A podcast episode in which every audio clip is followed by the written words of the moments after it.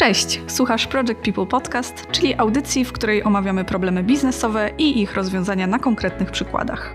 Jako agencja strategiczna zajmujemy się tworzeniem strategii biznesowych i marketingowych, digital marketingiem oraz UX-em i UI-em. Mamy już blisko czteroletnie doświadczenie w pracy z polskimi i zagranicznymi firmami, a ten podcast stworzyliśmy z potrzeby, nieodpartej potrzeby dzielenia się wiedzą. Z tej strony Rita Pater i Agnieszka Zygmunt. No to zaczynamy. Dzisiejszy odcinek e, zdecydowałyśmy będzie o dokumentacji i właściwie czym ona jest, po co ją robić, Czasem nawet nasi klienci zastanawiają się, dlaczego trzeba ją robić e, i dlaczego tak chcemy, żeby ta dokumentacja była e, wykonywana. Chcemy też powiedzieć parę słów o tym, dlaczego dokumentacja jest traktowana jako zło konieczne, kiedy tak naprawdę tak nie jest. I bardzo często źle ją traktujemy e, jako coś, co musimy wykonać jako najgorszym ostatnim etapie. Zapominamy też bardzo o dokumentowaniu naszej pracy, podczas kiedy klient na samym końcu bardzo chętnie chce zobaczyć nasz proces i bardzo jest w stanie nam to pomóc. Tak, mówisz tutaj o perspektywie osoby, która wykonuje e, dokumentację. Ja też powiedziałam jedno słówko na temat dokumentacji e, z perspektywy klienta. No to dobra, pytanie, Aga, ponieważ ty jesteś u nas mistrzynią i podnosisz standardy dokumentacji. Czym jest dokumentacja według Ciebie i generalnie czym jest dokumentacja i po co ją robić? Myślę, że w momencie, kiedy mówimy o dokumentacji, powinniśmy mówić tak naprawdę o całym procesie dokumentacji.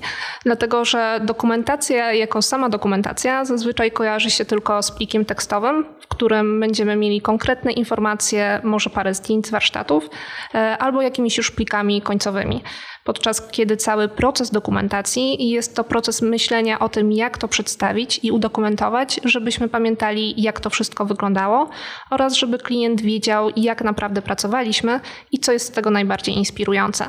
Też w tym procesie zauważyłam, że bardzo często zapominamy o dokumentowaniu takich podstawowych rzeczy jak robienie zdjęć z warsztatów, czy robienie zdjęć modeli, jeśli mówimy o pracach, które są na przykład bardziej fizyczne, czy też nawet zapisywaniu jakichś makiet, które są bardzo ważne w tej dokumentacji, że owszem, dążymy do konkretnego celu na samym końcu, ale cały ten proces jest w stanie dać nam dużo, dużo informacji o tym, dlaczego właściwie my wybraliśmy tą konkretną ścieżkę i dowieźliśmy ten konkretny element czy ten konkretny efekt. Myślę, że też to daje dużo takiego wglądu w całe powstawanie projektu ze strony właśnie klienta, no nie? Że klienci myślę, że mogą się czuć spokojniejsi w momencie, kiedy mają na przykład na, na co dzień dostęp do tej dokumentacji, która powstaje e, idealnie, w, jakby równolegle w, z każdym etapem projektu i e, dzięki temu oni też jakby mają taką rękę na pulsie, no nie? Wiedzą, wiedzą jak to się rozwija, też e, są o wiele bardziej świadomi na koniec dnia,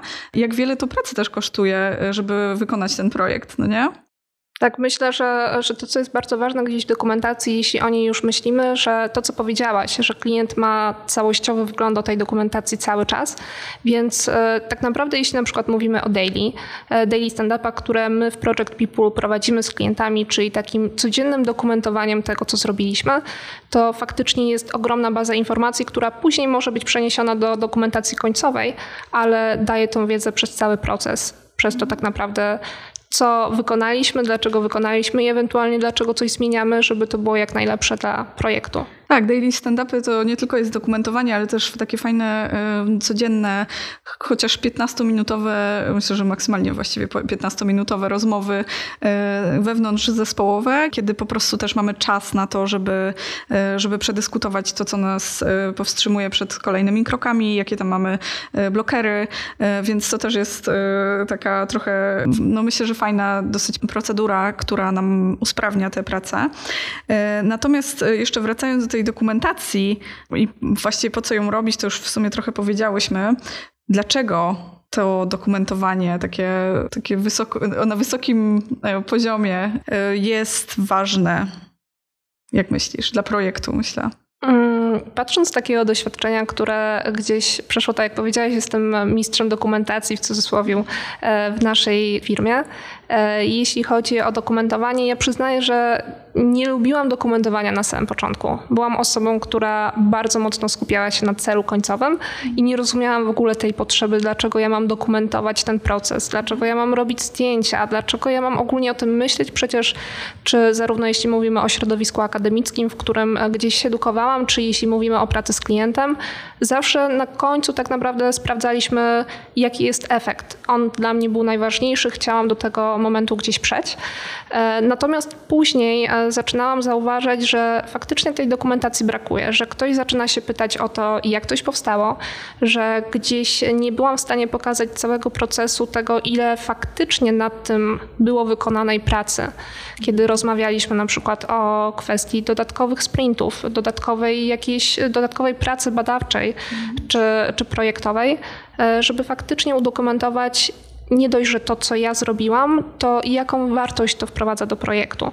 Dodatkowo dokumentacja też e, z takiej perspektywy już bezpośredniego kontaktu z klientem jest o tyle ważna, że faktycznie wiemy, na czym stoimy. Zarówno klient ma tą pewność, co my dowozimy na bieżąco, zwłaszcza jeśli dokumentujemy to na bieżąco, czy też spełniliśmy wszystkie jego wymagania, ale dla nas też to jest pewność, że my pamiętamy o tym, co powinniśmy byli zrobić, e, pamiętamy o tym, jaki jest faktycznie końcowy cel i widzimy, jak do niego po kolei się posuwamy. Zamiast gdzieś błądzić w jakimś, można powiedzieć, ciemnym świecie, że faktycznie zrobiliśmy gdzieś jedną część, później drugą część i pytanie, co teraz będzie gdzieś dalej. Tak, zdecydowanie. Zgadzam się z Tobą. Wspomniałaś, że na początku swojej ścieżki zawodowej nie robiłaś dokumentacji. I jakby nie widziałaś tej wartości, ale teraz stało się to po prostu twoim jakby codziennym zadaniem też, no nie? Projektowym i, i, i chyba myślę, że to lubisz. Jak, jak, to, jak to jest z tobą? Myślę, że to jest kwestia, którą możemy za chwilę poruszyć, czyli tak naprawdę dlaczego ja ją lubię, bo to też bardzo zależy od mojego gdzieś charakteru. E, ale rzecz, którą zauważyłam, to jest to, że tak naprawdę porządkuje to cały proces. I podczas kiedy wszyscy myślą o dokumentacji jako o tym koniecznym, myślę, na samym końcu, które trzeba gdzieś wykonać, faktycznie spisać, żeby klient miał, to w momencie, kiedy zamienimy swoje nastawienie do dokumentowania naszej pracy, do tego, że nie musimy od samego początku mieć idealnie czystego dokumentu, idealnie czystego Excela, nie musimy mieć idealnie czystego PDF-a, tylko będziemy dokumentować to w wygodny dla nas sposób i wygodny dla klienta, co później zawsze możemy poprawić,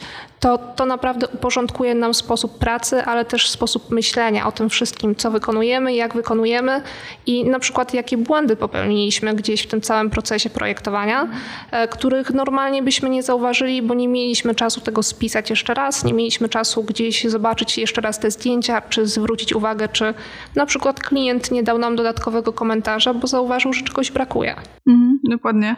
No i to, ja myślę, że to też jest y, takie y, w ogóle sama dokumentacja może się kojarzyć ludziom y, właśnie z tymi Excelami czystymi, z tym, że to po prostu musi być wy, odpicowane tak na maksymalnym poziomie, a tak naprawdę to nie wiem jak twoja, ale moja dokumentacja w ogóle tak nie wygląda. Jakby naczyszczenie i takie właśnie szlifowanie tych, tych kolejnych kroków, no to jest tam czas na końcu, ale tak naprawdę jeżeli prowadzimy dokumentację z dnia na dzień, no to w moim przypadku na pewno nie wygląda to tak pięknie.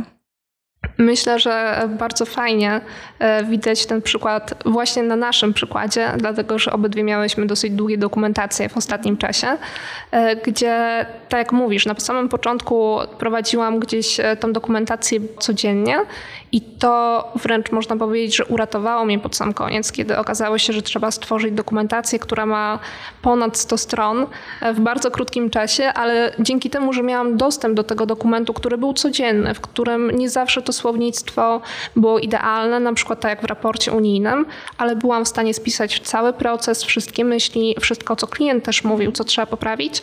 Byłam w stanie w ciągu jednego dnia przygotować już dokument końcowy i nie martwić się tym, że wcześniej gdzieś ten dokument, ta dokumentacja taka podstawowa, o której mówiłaś, tak jak mówiłaś, nie jest perfekcyjna, bo to nie o to chodzi, to jest tylko narzędzie, które ma pomóc nam. No, ja też teraz zadam takie kontrowersyjne pytanie. Czy warto robić dokumentację, jeżeli się robi projekt, który na końcu musi skończyć się takim raportem unijnym, który jest zupełnie e, innym, inną odmianą e, dokumentacji. Co o tym myślisz? Zależy znowu, jak myślimy o dokumentacji, mhm. E, bo myślę, że też jesteś w stanie tutaj dosyć dużo powiedzieć o tym, że warto. O, zdecydowanie że warto od samego początku e, gdzieś tam dokumentację prowadzić, tylko też trzeba liczyć e, się z tym, ile mamy na to czasu mhm. i jak sobie ten czas organizujemy. Bo o ile jeden projekt jesteśmy w stanie i razem prowadziłyśmy, że faktycznie stworzyłyśmy dokumentację podstawową, którą nazwałyśmy dokumentacją, ale to był plik roboczy, który później przetworzyłyśmy na projekt unijny. E, o tyle na przykład w ostatnich projektach bardzo chętnie tworzę dokumentację już unijną, taką czystą od samego początku, bo jest o wiele mniej czasu, więc mam tą pewność, że nie będę miała ostatniego na przykład tygodnia bardzo zestresowanego, dlatego że trzeba dowieść raport, tylko on już jest wcześniej gotowy i ja mam więcej czasu na projektowanie i myślenie. Czyli w tym przypadku ostatnim, o którym wspomniałaś, nie wykonywałaś w ogóle takiej um, dokumentacji projektowej, tylko od razu zaczynałaś od pisania, pisałaś raport takim językiem raportowym już ten Dokument? To jest coś, co udało nam się uzgodnić z klientem e, i to jest bardzo fajne. Bardzo cieszę się, że właśnie o to zapytałaś, bo to jest ta różnica, której ludzie nie zauważają, czyli myślą o tym, że dokumentacja a raport unijny nie mogą być tak naprawdę tym samym. W tym momencie my raport unijny potraktowaliśmy jako dokumentację. I owszem, musieliśmy, trzymałam się mniej więcej gdzieś tego słownictwa, które jest podstawowe, związane z nazewnictwem, zamawiający, wykonujący, ale wyglądało to dosłownie tak samo prawie jak dokumentacja wcześniejsza, tylko potrzebowałam zawsze tych 5% pracy więcej o tym, żeby pamiętać, jak co nazywać, jakie słownictwa używać i na przykład jak od razu coś formatować, aby później mieć mniej pracy. To w takim razie y, teraz chciałabym zadać takie pytanie i w sumie mm, porozmawiać o tym, jak my się różnimy trochę charakterami, y, a właściwie specyfiką tego, jak, jak, w jaki sposób też prowadzimy dokumentację, czy jakieś projekty prowadzimy i w jaki sposób pracujemy w ogóle. No dla mnie na przykład y, ogromnie ważne jest poczucie celu i tak, tak jak mówisz u ciebie, że historycznie e, jakby ta dokumentacja nie była tak strasznie ważna, no to e, dla mnie też nie, nie była ważna, dopóki się nie przekonałam, e, że, że jest naprawdę sensowna. I no bo tak, no bo dla mnie te tabelki, jakby dokumentacja kojarzyło się z tabelkami, z raportami, w ogóle z, z tym, że po prostu powtarzamy, tak naprawdę mielimy to samo, co już przecież wszyscy wiedzą, bo przecież to już się zadziało. E, no i właściwie po co to i kurczę, przecież dowieźliśmy ten cel. Ciężko myślę, w tym wszystkim znaleźć balans. No to jakby w momencie, kiedy jesteśmy jakby, e, mamy taki charakter, że właśnie chcemy dowieść tego celu, no bo ten cel jest właściwie, e, że zadowolenie klienta, definicja tego zrobionego, wykonanego projektu e, jakby zakłada, że no klient jest zadowolony i właściwie to jak to pogodzić. Przecież jeżeli ja będę spędzać 15 godzin dziennie, nie, może nie dziennie, ale tygodniowo e, na tym, żeby pisać ten raport e, czy, e, czy dokumentację, no to jak tu znaleźć ten, ten balans?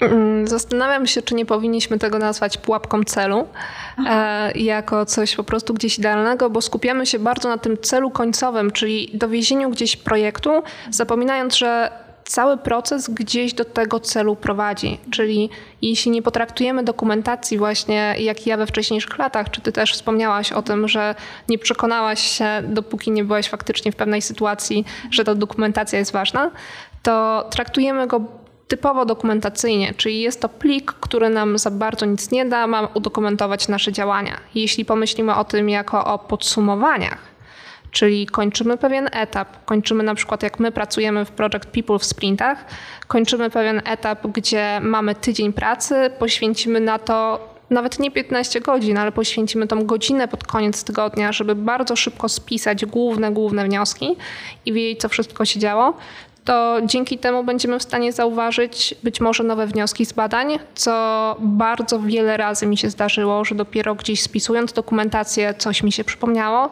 coś co było na przykład bardzo gdzieś ważne w późniejszym etapie badań, a wtedy nie wydawało się na tyle konieczne. E, I w tym momencie to jest gdzieś ten proces podsumowań, mimo że nadal to jest dokumentacja. Mhm. No tak, jakby to słowo samo w sobie jest, jest, jest duże, no nie? Ja jakby zawsze staram się pod, jakby po każdym też spotkaniu z klientem po prostu pisać maila z podsumowaniem, czy tam właśnie w jakimś w postaci do dokumentu, ale to słowo dokumentacja to jest tak zmrażające. Myślę, że może być, może być takim blokerem, no nie? Dla ludzi jak najbardziej. No to dobra, troszkę powiedziałyśmy na temat dobrych praktyk. Jak ty byś jeszcze uzupełniła to, jak dokumentować, jak y, prowadzić dokumentację, jakieś dobre, nie wiem, jedną, dwie zasady, Myślę, że tych zasad jest o wiele więcej niż i my powiedziałyśmy. E, I z większością zasad na pewno się zgodzisz, bo to jest coś, co wypracowałyśmy też razem i razem zobaczyłyśmy gdzieś na swoim doświadczeniu i każdy na pewno ma jakieś swoje zasady, które zobaczył na, na własnych błędach, bo nie bójmy się tego słowa, że jako badacze w całym gdzieś procesie, zwłaszcza jeśli nie jesteśmy pierwsze pół roku e, w naszym zakresie, tylko faktycznie działamy o wiele, wiele dłużej, e, to też popełniamy błędy, na których się uczymy, jeśli chodzi o dokumentację. I to jest bardzo ważne, żeby zwracać uwagę na to, żeby tej dokumentacji się nie bać i traktować ją jak narzędzie, bo to jest chyba najważniejsza zasada, że to, to jest narzędzie tako, takie samo jak wszystkie inne kanwy, takie samo jak wszystkie inne Excel i arkusze, tylko że my niepotrzebnie robimy z tego małego demona, którego zostawiamy na koniec, zamiast połknąć tą przysłowiową żabę przez cały czas po małym kawałeczku. Fuj. No tak, masz rację. Y, I no ja, co mogłabym dodać z tego? No to faktycznie um, myślę, że taka regularność w tym wykonywaniu tych, y, tych, tego trudnego obowiązku jest bardzo ważna, bo zresztą sami później się e, przekonujemy, że kurczę, w pewnym momencie wracamy do tych, sami, no nie, wracamy do tych dokumentów i przychodzą nam jakieś e, pomysły, czy tam właśnie po, po zrobieniu e, badań nagle wraca nam refleksja, która była podczas jakiegoś, nie wiem, wywiadu na przykład, którą warto wpisać właśnie do dokumentacji, żeby to się nie zgubiło. Więc jak najbardziej. Co do złych zasad dokumentacji, Myślę, że jeszcze nie powiedziałyśmy o jednej bardzo dobrej zasadzie dokumentacji, tak naprawdę. E, ona gdzieś wcześniej na pewno była przez nas troszeczkę poruszona, ale zasada tego, żebyśmy się nie obawiali słownictwa. Bo to jest coś, co jest tym blokerem, o którym cały czas gdzieś mówimy, a my się obawiamy tworzenia dokumentacji, która nawet. Ta dokumentacja nie musi być dla klienta na samym początku. Ona może być naszymi notatkami, które później nam pomogą w jakimś aspekcie czasu przytrawić to na dokumentację nawet unijną, ale nie bójmy się tworzyć coś, co nie będzie perfekcyjne, będzie zrobione zupełnie gdzieś inaczej, żeby później, jeśli mamy gdzieś jakiś gen perfekcjonisty, e, co, co widzę, że się śmiejesz i uśmiechasz do mnie, e, co później możemy faktycznie na perfekcyjne w jakimś stopniu zamienić, tylko że optymalizujmy sobie czas. Jeśli okaże się, że na koniec nie zrobimy perfekcyjnej dokumentacji, nic się nie stanie, ale to jest zawsze lepsze niż jeśli w ogóle nie zrobimy dokumentacji. No zdecydowanie, zdecydowanie masz rację. No ale co, czy, czy to wtedy, kiedy będziemy szlifować tą dokumentację, y, nie robimy tej pracy dwa razy? Czy napra naprawdę klientom zależy tak bardzo na tym, żeby ta dokumentacja była tak idealna i perfekcyjna? To już zależy od tego, jaki masz gen perfekcjonisty i to już zależy od klienta, bo myślę, że ostatnie doświadczenie bardzo dobrze nam pokazuje, że coś, co zawsze myśleliśmy, że dokumentacja faktycznie, zwłaszcza unijna, e, nie jest jakoś mocno czytana przez ludzi, to okazało się, że jeśli dokumentacja jest dobrze zrobiona i jest odpowiednio przeprowadzona, to klient bardzo chętnie do niej wraca, dlatego że to jest kopalnia wiedzy gdzieś dla niego. I też nie patrzyłabym na to jako robienie tej pracy dwa razy, tylko jako właśnie to podzielenie, że na początku mamy coś, co nie jest perfekcyjne, i bardzo szybko działamy, więc tracimy bardzo mało czasu, ale spisujemy najważniejsze dla nas myśli i później, jeśli będzie czas, to to doszlifujemy, co zajmie wbrew pozorom nam o wiele mniej czasu niż na samym końcu, jeśli byśmy próbowali przechodzić ten proces od samego zera, idealnie, perfekcyjnie, przypominając sobie to, przechodząc wszystkie materiały, które strawiliśmy, I bo to już mamy gotowe. No. Z, pamięci, z pamięci się ciężko odtwarza. Też myślę, że bardzo dobrą rzeczą przy dokumentacji, która gdzieś się pojawia, to to, że jeśli mamy jakąś część dokumentacji, zawsze możemy zrobić z tego podsumowanie dla klienta, które jest mailowe.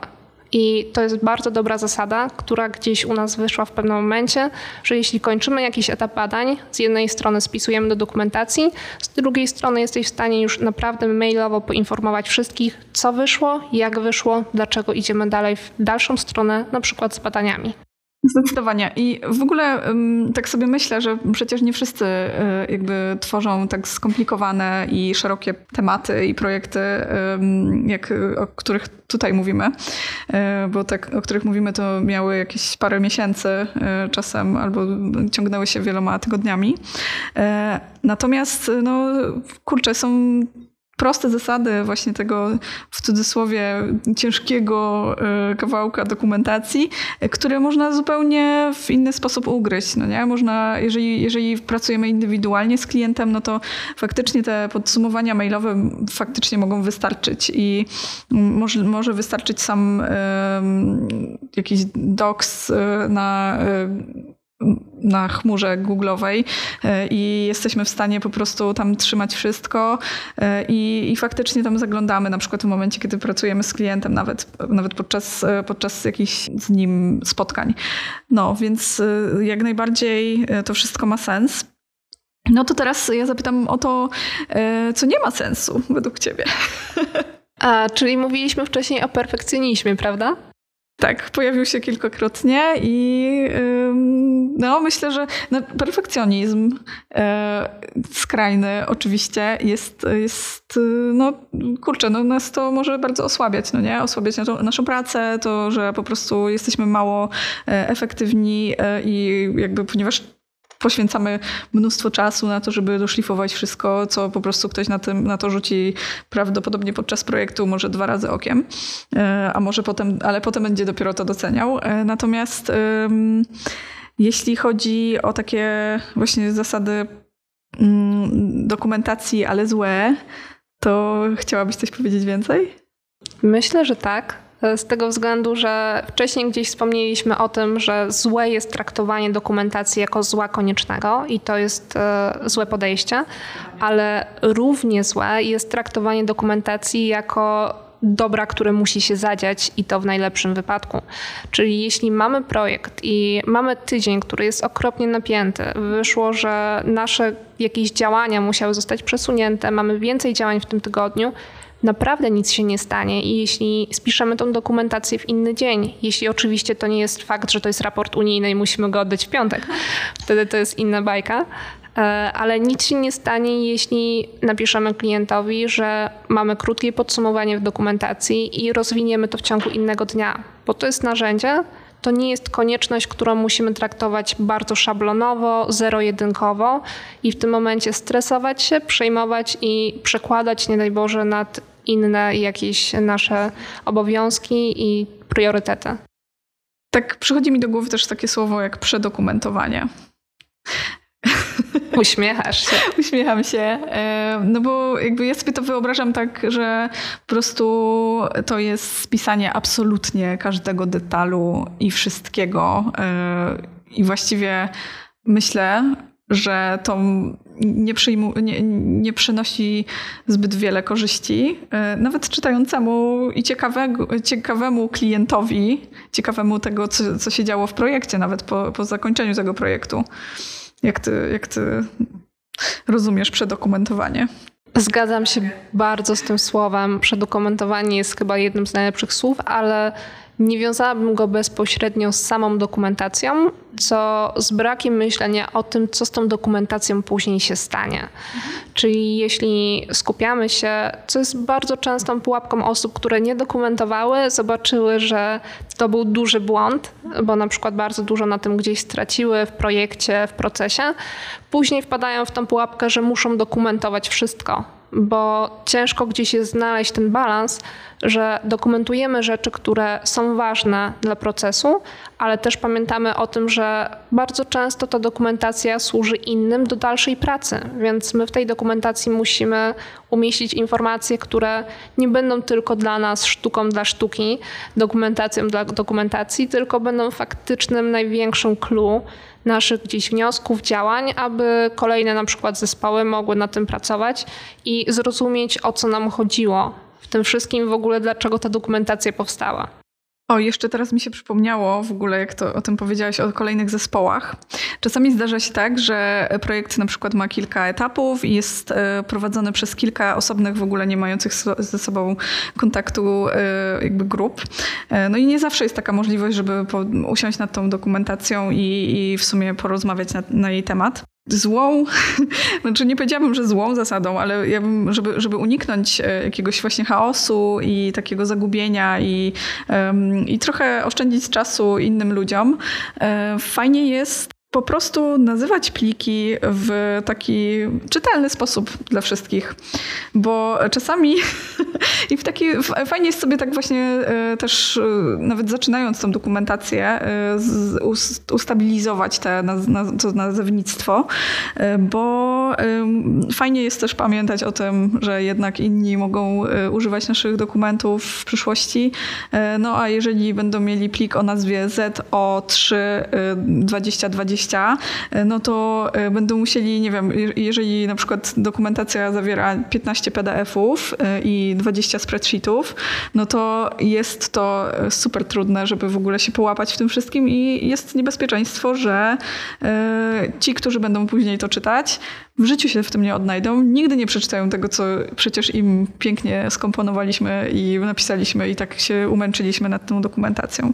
Myślę, że to jest idealna porada dla wszystkich nas słuchających, czyli że tak naprawdę wszystkie pliki, które nazywamy i mają trafić do innych, niezależnie czy są dokumentacją czy projektami, powinny być nazywane czytelnie, niezależnie tak naprawdę z czym one są związane. Mm -hmm, zdecydowanie. I jeszcze um, takie pytanko, czy straciłyśmy kiedyś na braku dobrej dokumentacji? Z mojej perspektywy ja bardzo straciłam, i bardzo żałuję braku swoich pierwszych dokumentacji, gdzie naprawdę wykonałam bardzo dobre procesy i teraz po latach nie jestem w stanie wrócić do tych metod badawczych, do tego, A. jak to faktycznie wyszło, bo widzę, że ta wiedza bardzo mi się przydała, jeśli chodzi o projekty, które na przykład teraz gdzieś wychodzą w mojej ścieżce zawodowej i u nas w Project People. E, jeśli chodzi o pracę tutaj, mam wrażenie, że straciłam na dokumentacji, która była zbyt perfekcyjna. Czyli tak jak wspomniałaś, wpadłam gdzieś w tą pułapkę, że chciałam zawrzeć za dużo rzeczy, e, które później nie wszystkie były wykorzystane i Owszem, nie stało się nic złego, nie była to jakaś duża strata, ale jest to bardzo duża nauczka na przyszłość, że bądźmy szczerzy, jak najlepiej optymalizujemy swój czas, jeśli chodzi o pracę i efekty, tym będzie dla nas lepiej i lepiej dla klienta. Dobra, no to teraz odwrócę to pytanie. Um, a właściwie nie pytanie, właściwie ten temat, co można zyskać na y, dobrej dokumentacji?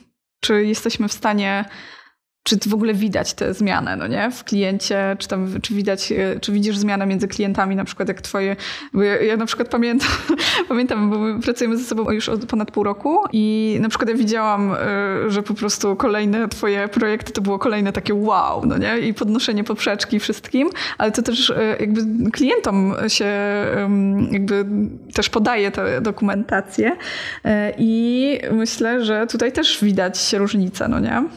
To jest coś, co chyba zauważyłyśmy e, obydwie podczas ostatniej prezentacji klienckiej, gdzie faktycznie padły słowa e, od klienta, że dokumentacja jest po prostu całym takim clue wszystkiego i jest kopalnią wiedzy. Więc w momencie, kiedy prowadzimy dobrą dokumentację, to klient nie dość, że jest w stanie ją docenić, nie traktuje tego jako tylko raportu unijnego czy podsumowania, gdzie wszystkie materiały ma gdzieś indziej zgromadzone, tylko wie, że jeśli będzie potrzebował, wie, gdzie w tym raporcie, w tej dokumentacji znaleźć konkretne rzeczy i wie, że jest w stanie do tego się odnieść, bo to jest dobrze opisane, czytelnie opisane i tak naprawdę ma całe clue naszego projektu i badań, które były wykonane, że on jest pewny tego, co otrzymał i pewny o tym, jak może myśleć o tych wynikach badań.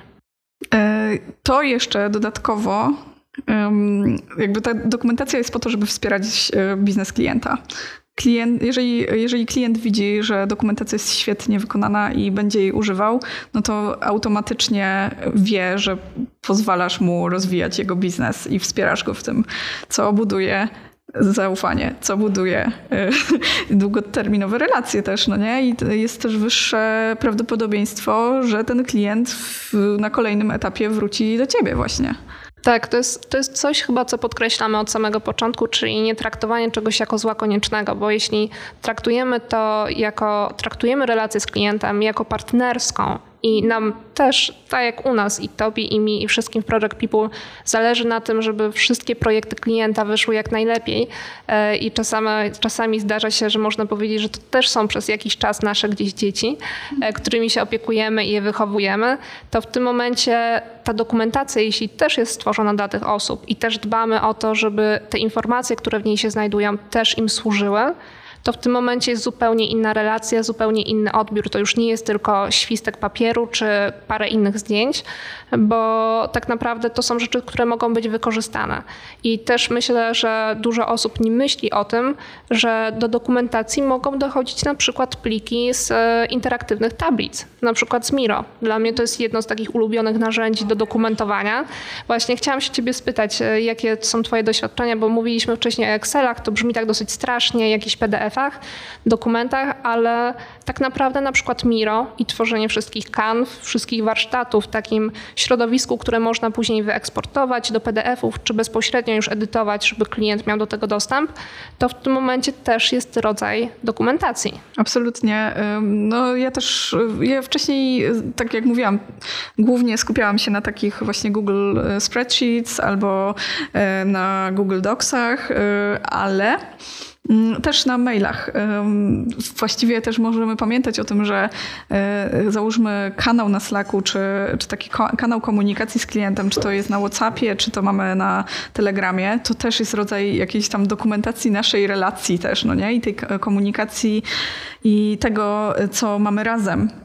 Więc jakby to, to są takie narzędzia komunikacyjne, co prawda, ale, ale jakby to też w jakiś sposób zapisuje nasz flow w ogóle, jak to się, jak, jak to się wszystko e, działo podczas projektu. Mm, więc do tego też czasem ważne, e, ważne jest zajrzeć, no nie? Zobaczyć sobie, jak tam dyskutowaliśmy na przykład na temat tych promocji, które, które, które tak, nie wiem, klient e, bardzo lubi, a niekoniecznie są dobre dla niego biznesu. Natomiast jak już rozmawiamy o narzędziach, no to Miro to był taki game changer dla mnie również. I, e, I to jest takie narzędzie, które jest i świetne do dokumentacji, i świetne do pracy zespołowej, o czym się przekonaliśmy w, e, w COVID-zie, e, gdzie wszyscy po prostu zamknięci w swoich mieszkankach prowadziliśmy tak naprawdę realne warsztaty dla na przykład 20 osób, gdzie wszyscy mieli dostęp do tej samej, do tego samego widoku na żywo. I widzieliśmy, jak te karteczki latały i tak dalej, ale jakby dokumentacja to nie, niekoniecznie jakby no, dokumentacja warsztaty y, i, y, i właściwie dokumentacja warsztatów to też jest jakaś dokumentacja, więc w momencie, kiedy mamy narzędzie, którym możemy się posłużyć y, i w którym możemy właśnie zadziałać i zostawić sobie to działanie i po prostu tylko tam zrobić troszeczkę porządku, no to to jest po prostu no, sztos dla mnie. Też 100% zgadzam się z Tobą, z Miro, bo dla mnie to był totalny też game changer, zwłaszcza jak się dowiedziałam o ilości integracji. Dlatego, że prowadząc dokumentację, ja bardzo często prowadzę dokumentację na Google Dysku, gdzie faktycznie pracuję na arkuszach, gdzie jest analiza na przykład konkurencji, wszystkie moje wnioski, wszystkie jakieś zapisy. Oprócz tego jest normalny dokument i nagle dochodzi jeszcze do tego Miro, gdzie jestem w stanie zwizualizować wszystkie efekty naszych badań dla klienta, co jest o wiele łatwiejsze dla niego do zrozumienia ale gdy dodamy do tego wszystkie integracje, czyli to, że możemy mieć jedno Miro, w którym wrzucamy wszystkie jakieś nasze materiały i to też jest bardzo dobra zasada. Wrzucamy nasze materiały, które są też arkuszami, jesteśmy w stanie dokumentować to w jednym miejscu, bardzo czytelnie, wszystko jest zwizualizowane. I później owszem, możemy to przenieść, jeśli trzeba będzie, na wersję tekstową, jeśli jest to na przykład raport unijny, bo tutaj mamy konkretne wymagania, tutaj niestety nie jesteśmy w stanie załatwić tego paroma tablicami, tablicami, paroma arkuszami, tylko musimy mieć konkretny plik z konkretnymi opisami, z konkretnym słownictwem, z konkretnymi załącznikami, które z tego Miro na przykład wychodzą. Ale jeśli nie mamy takiego wymagania, bo to nie jest projekt unijny, to jesteśmy w stanie na Miro przeprowadzić całą dokumentację bardzo czytelnie, bez żadnych problemów i bez tego bólu, którego wszyscy się cały czas boją i nim przejmują, że, że to będzie czasochłonne, bardzo wymagające i trzeba to zostawić na sam koniec. Mm, mm, dokładnie. Będziemy musiały się zbliżać trochę do końca yy, i to naszego, naszego odcinka.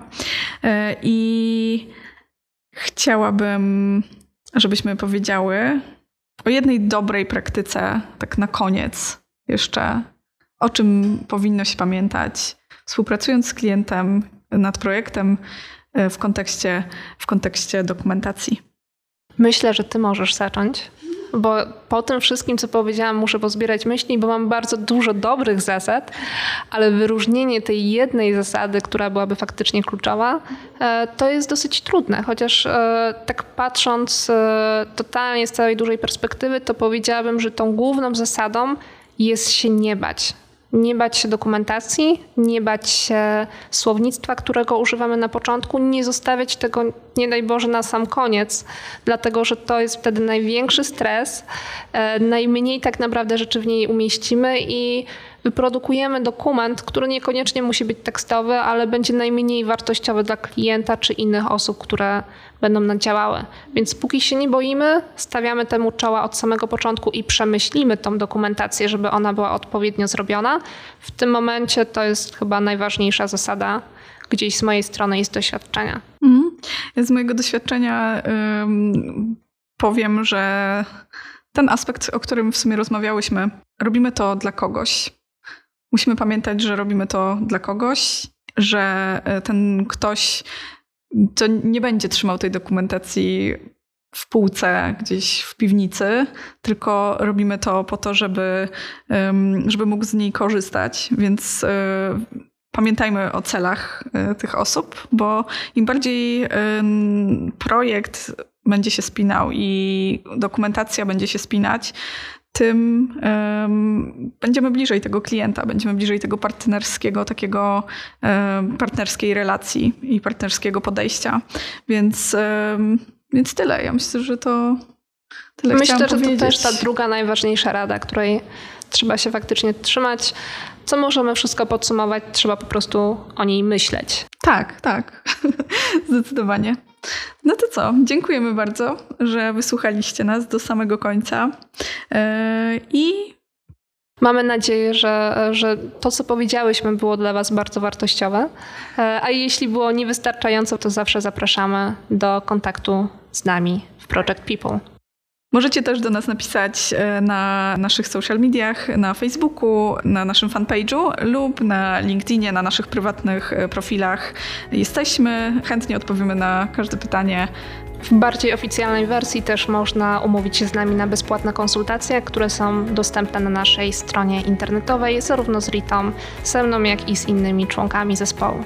I jeszcze raz dzięki wielkie za wysłuchanie nas i do usłyszenia wkrótce. Tak jest. Cześć.